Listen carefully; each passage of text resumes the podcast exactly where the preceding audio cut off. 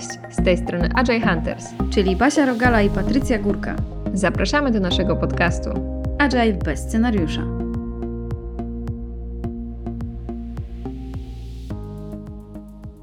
Cześć, witajcie w kolejnym odcinku Agile bez scenariusza. Dzisiaj będziemy sobie z Basią rozmawiać o temacie, jakim jest moda na Agile i dlaczego transformacje agile'owe się nie udają. E, porozmawiamy sobie o tym we dwie dzisiaj bez gości, a zacznijmy może od tego, skąd się wzięła taka moda na Agile. Kilka lat temu już z Basią napisałyśmy artykuł o tym samym temacie i myślimy, że w dalszym ciągu to jest temat, który jest modny i że tutaj niewiele się zmieniło. Może się zmieniło to pod względem tego, co tak naprawdę jest modne, jaki framework, jaka metodologia jest modna, bo kiedyś to bardziej był Scrum, teraz w zależności od organizacji to albo jest Scrum, albo trochę bardziej Kanban, a w tych dużych organizacjach gdzieś się słyszy o tym, że ten save e, bardzo mocno się zakościł na salonach. Ale może zanim o tym tak naprawdę, dlaczego takie transformacje tych organizacji się często nie udają, Zastanówmy się może, Basiu, co to znaczy w ogóle, że taka organizacja jest zwinna? No ja myślę, że w takim idealnym świecie oznacza to oczywiście nie tylko na poziomie zespołów, ale też dla całej firmy, tutaj myślę, oznacza to, że wszyscy działają zgodnie z filozofią, z mindsetem zwinnym, z mindsetem agile'owym, czyli funkcjonują zgodnie z wartościami podkreślonymi w Agile Manifesto. Bardziej są z tymi wartościami po lewej stronie niż po prawej. Funkcjonuje u nich 12 zasad zwinnego wytwarzania oprogramowania, czy można by to też przełożyć na po prostu na wytwarzanie produktów. Kierują się bardziej efektami, tak zwanym outcome'em niż outputami, czyli rezultatami, czyli myślą o wartości, którą dostarczają na rynek. I tak bym pomyślała o firmach, które są um, zwinne. Przychodzi mi też do głowy od razu pytanie, że to wydaje się coś prostego i nie potrzeba do tego żadnych frameworków, żadnego Scrama czy Kanbana. Nie, nie musimy mieć, żeby tak to funkcjonowało. I myślę, że można powiedzieć, że to jest prawda, bo frameworki mają to tylko wspierać. I z pozoru te zasady, czy w ogóle po prostu kierowanie się jakimiś fundamentalnymi wartościami są proste, no to wiemy, że w praktyce one są zdecydowanie bardziej trudne. No i też to stwierdzenie, czy, czy ogarnianie, ogarnianie takiego zwinnego świata no, jest po prostu kompleksowe, tak? I jest ciężko w ogóle powiedzieć, że jesteśmy już albo jeszcze nie, bo to, to nie działa tak, że jest jakaś granica czy meta, w której można by powiedzieć, od której można by powiedzieć, że jesteśmy agile czy zwinni, no bo to jest tak naprawdę ciągła praca, ciągła droga do, do, tego, do tej zwinności. Według mnie też moda w ogóle, o której wspomniałaś, jest wynikiem właśnie tego, że to wy wygląda z pozoru i z zewnątrz jako coś łatwego. Coś, co łatwo wdrożyć, no bo wiele, nie wiem, pieniędzy nie trzeba w to zainwestować. W zasadzie można to zrobić od jutra, można powoli przestawić się na takie, a nie inne myślenie. No i myślę, że same frameworki zwinne, czyli Scrum czy Agile, trochę temu nie pomagają, dlatego że są po prostu proste. Nie są kompleksowymi opisami, tak jak dajmy na to Prince 2, który no, ma wielką Biblię, wielką księgę z zasadami. Tutaj raptem kilkanaście stron w naszych metodykach zwinnych, więc myślę, że, że to tak to wygląda. Ale też na początku powiedziałam o poziomie zespołu i firmy, i dla mnie zwinna firma jest to firma, organizacja, która jest nie tylko na poziomie zespołów, tych, które nie wiem, wytwarzają programowanie, robią jakąś aplikację, ale też na poziomie zespołów takich jak marketing, HR, ale nie mówię tu o tym, że te działy muszą korzystać ze Scrama czy Kanbana, ale funkcjonują według tych zasad. Czyli jakby firma ma to wpisane w, mm, w swoje DNA. No i właśnie, i przechodząc już do tych powiedzmy problemów, czy dlaczego te transformacje się nie udają, no to myślę, że to jest pierwszy fundamentalny problem, że nie myślimy o tej zmianie jako o zmianie całej organizacji, od stóp do głów, tylko myślimy o tym, że te zespoły, które są w tak zwanym IT, to będziemy je tam transformować i będziemy mówić głośno, że mamy tutaj Agile, Scrum i wszystko inne i że jesteśmy tacy super piękni. No ale okazuje się, że otoczenie zespołu też ma ogromne przecież znaczenie.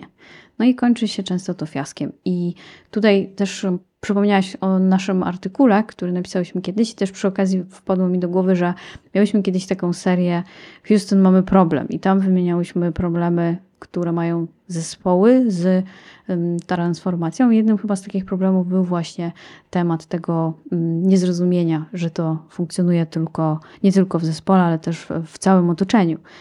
No jak dla mnie, jeśli to otoczenie nie wspiera i bardziej jest y, nadal w tym starym mindsetie, w tym starym myśleniu, no to to się nie uda. I prędzej czy później będą jakieś tarcia.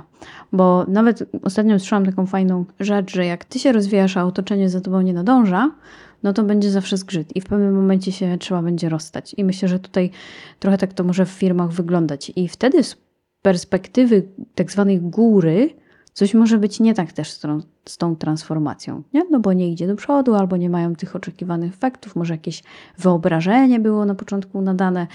No i na poziomie zespołu, czy tam wewnątrz zespołu być może jest lepiej do pewnego momentu, ale kiedy wsparcie otoczenia wydaje się być tym brakującym klockiem układance, no to może się zacząć już problem. No i według mnie to jest taki fundament no tak, tutaj się w pełni z tym zgodzę, że właśnie mm, zrozumienie tego, że transformacja zwinna, agile'owa czy skramowa często, jak to było w przyszłości, powinna się dziać tylko na poziomie zespołów, jest jednym z takich bardzo częstych powodów, dlaczego te transformacje się nie udają, bo przecież jeszcze, tak jak powiedziałaś, jest cała organizacja, albo mm, rzadko się tak zdarza w sumie, że pracujemy na tak małym niezłożonym produkcie, że taki jeden zespół wytwórczy wystarczy. Najczęściej tych zespołów jest potrzebne wiele, więc mamy do czynienia z pewnego rodzaju systemem.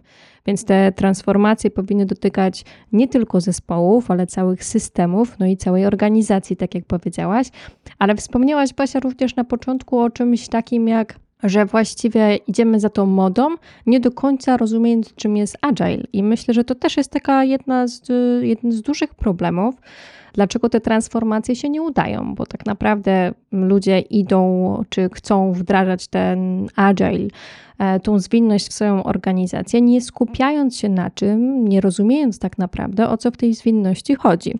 Często się też tak dzieje, że tak naprawdę nie wiem, ten najwyższy level w organizacji stwierdzi, że wdróżmy, nie wiem, skrama. Więc wdrażamy skrama i wdrażamy go właśnie na płaszczyźnie zespołowej, ale ta góra, ten management tak naprawdę nie rozumie o co chodzi w tym całej zwinności, więc to niezrozumienie tak naprawdę tego całego frameworku czy ogólnych zasad panujących w zwinnym świecie powoduje, że te organizacje tak naprawdę po pewnym czasie rezygnują z dalszych usprawnień tego tak naprawdę, jak wygląda ich praca. No i tu też tutaj mi nasuwa taką refleksję, że takim kolejnym powodem, dlaczego te transformacje się nie udają, jest to tak naprawdę, że one są narzucane odgórnie trochę, tak?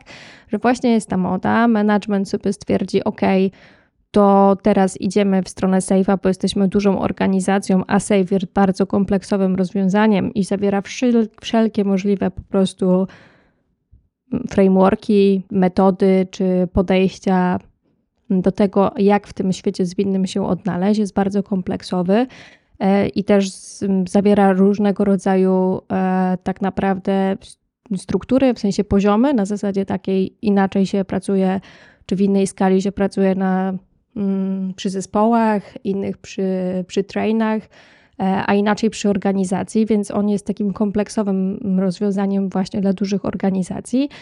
No i wtedy taka duża organizacja decyduje się na wdrożenie Safe'a.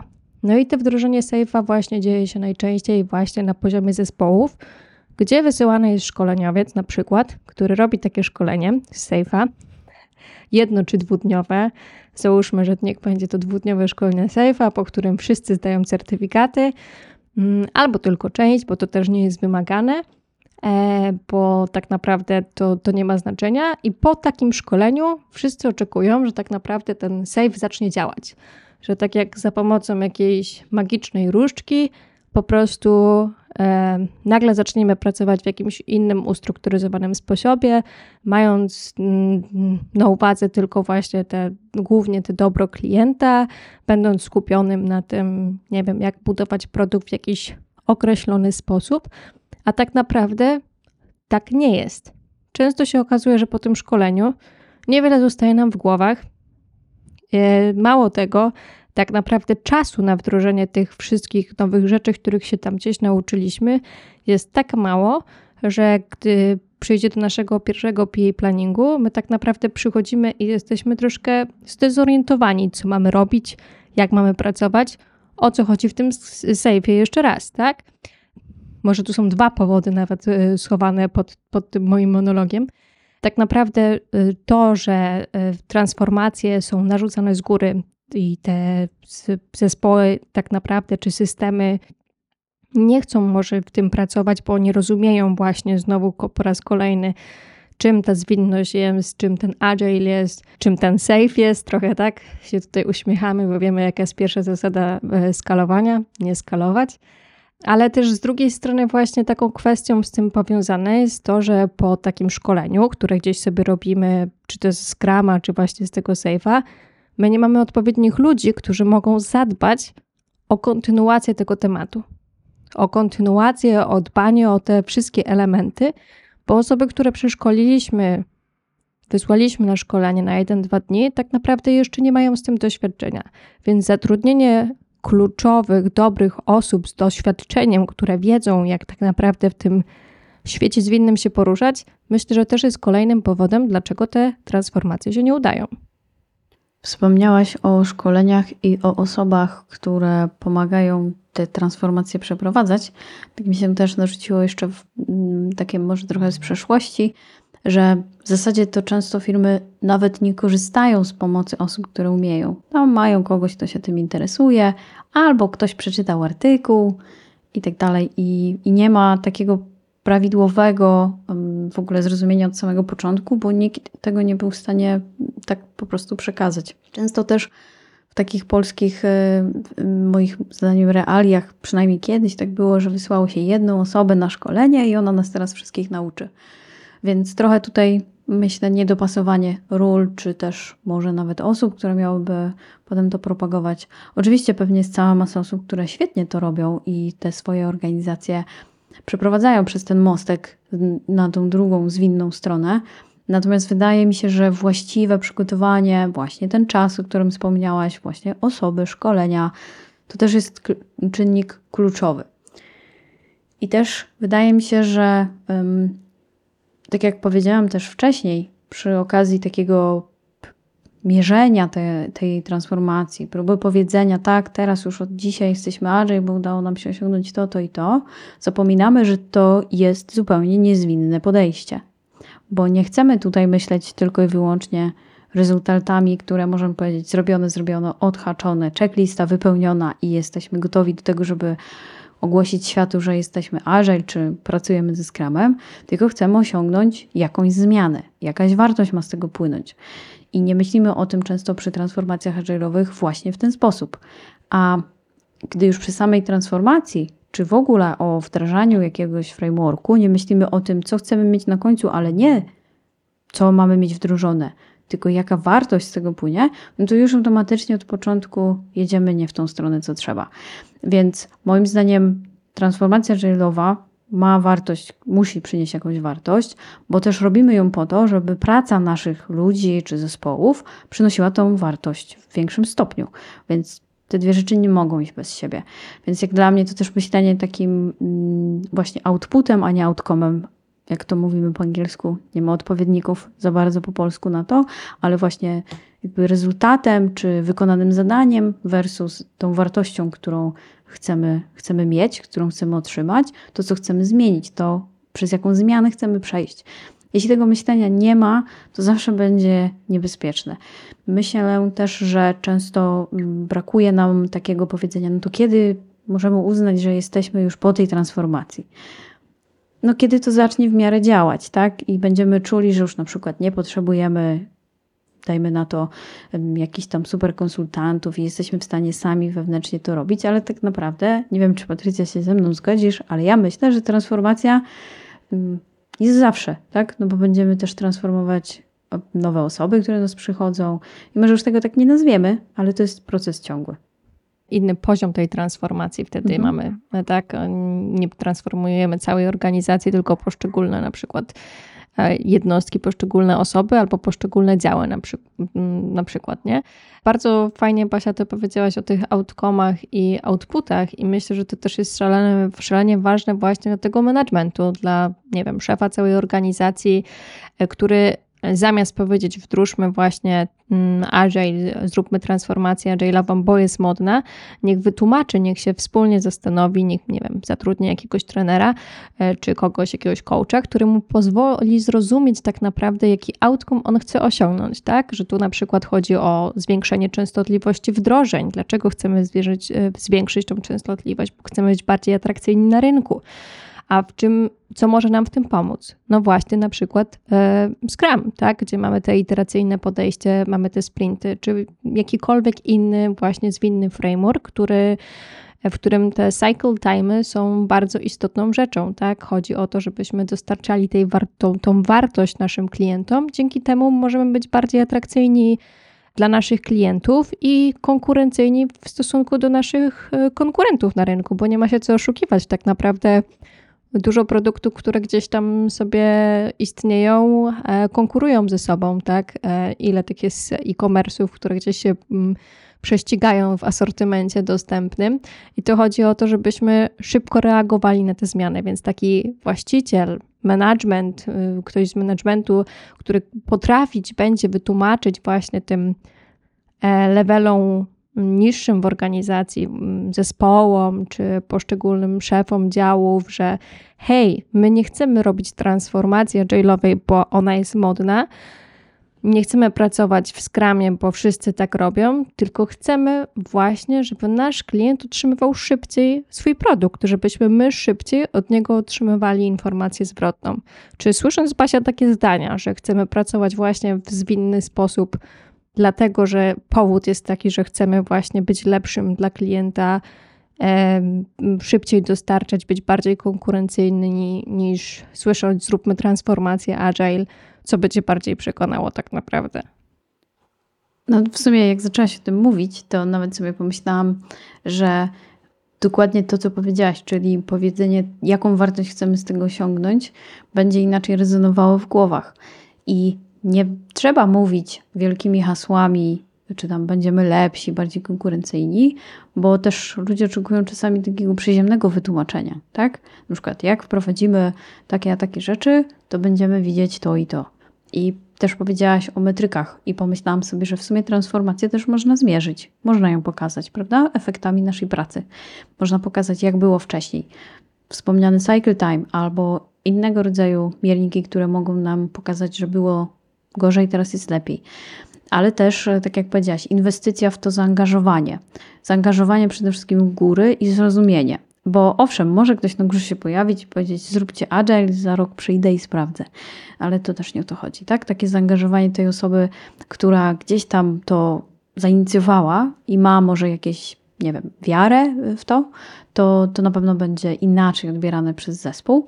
I według mnie super istotną rzeczą jest to, żeby pomyśleć o tym właśnie jako o inwestycji, bo to nie jest wydanie kolejnych pieniędzy na szkolenia i tyle, tylko to jest inwestycja w ludzi, w czas, w zaangażowanie, w wiedzę, ale też w zmianę nawyków. I jak o tym sobie mówię, to tak pomyślałam, że bardzo dużo transformacji czy wdrożeń jakichś frameworków, które wcześniej nie były stosowane, jest traktowana tak zero-jedynkowo. Na zasadzie Mamy to wdrożyć, więc wdrażamy, będziemy to robić, koniec, ktoś tak powiedział. Ale nikt się nie zastanawia, jak taka zmiana wpływa też na ludzi, bo przecież to jest zmiana, a zmiany trzeba odpowiednio przygotować, odpowiednio przeprowadzić. Zmiana zawsze spotyka się z oporem, zawsze jest niepewność, zawsze jest jakiś stres. Dlaczego to zmieniamy? Przecież działało, albo jeśli nawet nie działało, to dlaczego akurat taki wybór został dokonany? Kto ten wybór, mm, jakby, kto uczestniczył w ogóle w wyborze? I też na przykład zaangażowanie ludzi będzie różniło się diametralnie między tym, jak ktoś przyjdzie, powie, robimy i, i mnie to nie interesuje, w stosunku do tego, że ktoś przyjdzie, powie, zaprosi ludzi do za, zaprojektowania tej zmiany, jakimi krokami przez to przejdziemy. Tak?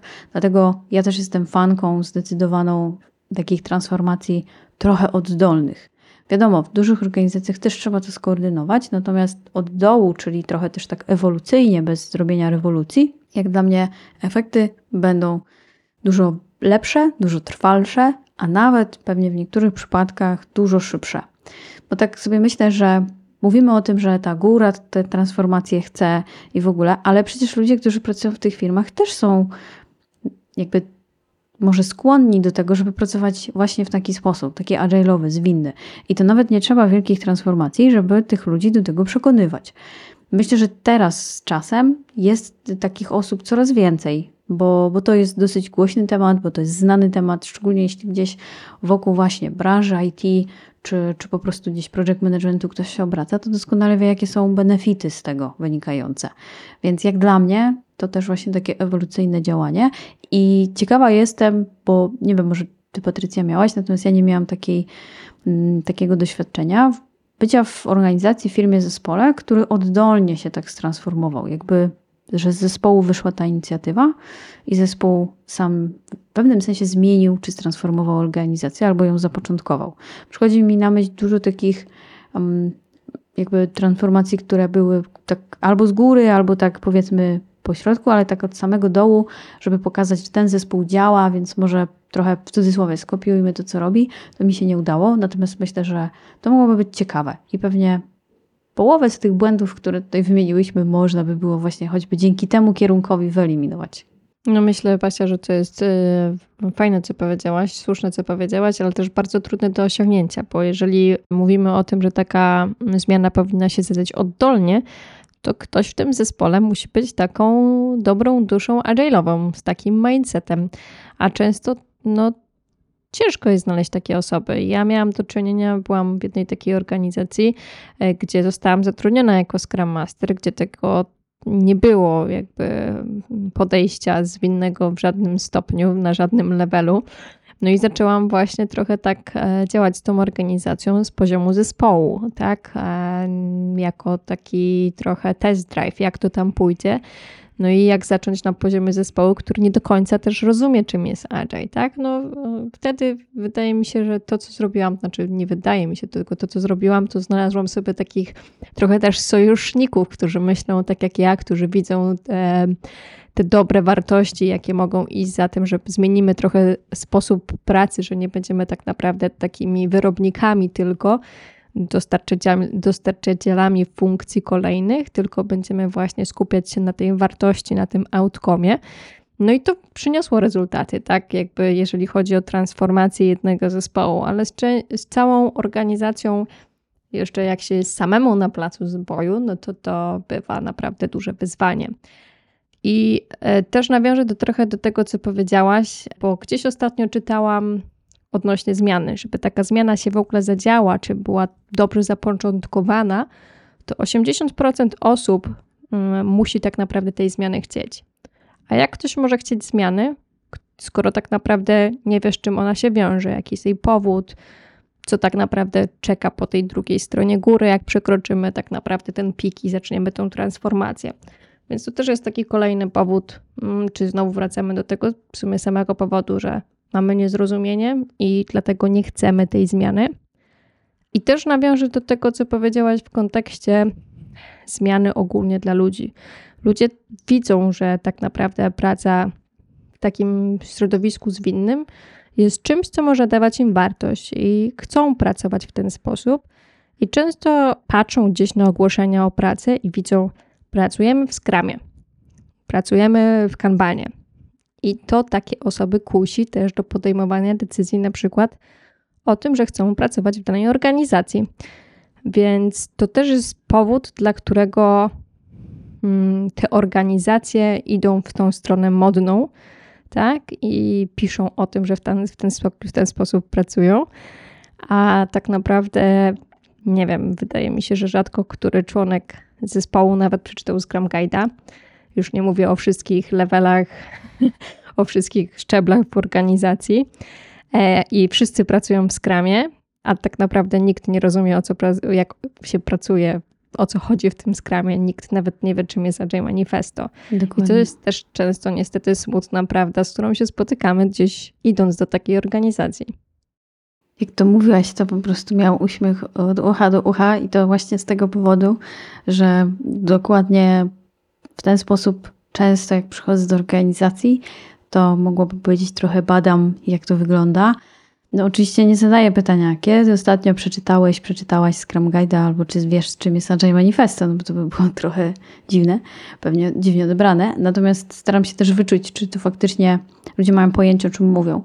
Często robimy to intuicyjnie, ale no właśnie, intuicja to jest jedno, a druga to jest wiedza i poukładanie tego.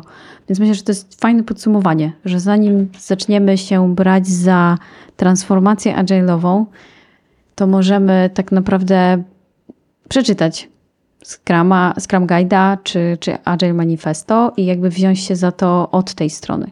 No i wydaje mi się też, że mm, tak jakby już zmierzając trochę do końca, mm, dotknęłyśmy w zasadzie chyba w, no przynajmniej z większości najważniejszych problemów, które dotykają firmy, które się transformują. Natomiast mm, najważniejsze to, co myślę fajnie by było i chciałabym, żeby nasi słuchacze zapamiętali, to to, że to nie jest łatwe i to jest praca, którą trzeba wykonać, to jest inwestycja, którą trzeba zrobić i to jest coś, do czego trzeba się też przygotować, bo jeżeli zrobimy to za szybko, to, to będzie w zasadzie, mm, jak to mówią, one-way ticket już potem nie powiemy, ok, to czekajcie, zaczniemy od nowa, tylko no, można powiedzieć, spalimy most. Więc trzeba to też zrobić z głową. Jak dla mnie to, to jest najważniejsze, tak żeby tego nie robić na hura, bo inni tak robią, albo bo jest to modne, bo, bo to jest coś, czego nam brakuje do tego, żeby zyskać przewagę konkurencyjną. Tylko żeby to zrobić dlatego, że chcemy być lepsi, chcemy osiągnąć efekt, no i znów zataczamy koło do, do wytwarzania wartości, a nie robienia tiketów czy, czy zadań po kolei z góry. Bardzo fajne, Basia, podsumowanie. Myślę, że tych powodów, dlaczego transformacje się nie udają, jest znacznie więcej. My wymieniłyśmy w dzisiejszym odcinku tak naprawdę takie, z którymi chyba same najczęściej się gdzieś spotykamy. E, I chciałybyśmy mm, Was zaprosić do tego, żebyście tak naprawdę byli czujni i patrzyli na tą zmianę właśnie z perspektywy takiej, że to jest długofalowy mm, proces, że to się nie zadzieje w miesiąc czy w dwa, że taka zmiana trwa nawet kilka lat. I e, to, co ważne jest, żeby po prostu patrzeć i sprawdzać, gdzie się jest w tej zmianie i jak ta zmiana tak naprawdę idzie. Robić sobie taką retrospekcję i sprawdzać właśnie, jak idzie nam nasza transformacja, gdzie jesteśmy, czy wszyscy są ok z tymi zmianami, które wprowadzamy. Więc e, dziękujemy Wam bardzo za dzisiejszą rozmowę. Mamy nadzieję, że mm, słuchało Wam się nas miło. Będziemy wdzięczne za feedback. Jeżeli chcecie nam go zostawić, możecie nam wysłać wiadomość, czy, czy na maila do nas napisać, czy na LinkedInie. E, I co? I do usłyszenia następnym razem. Do usłyszenia ponownie.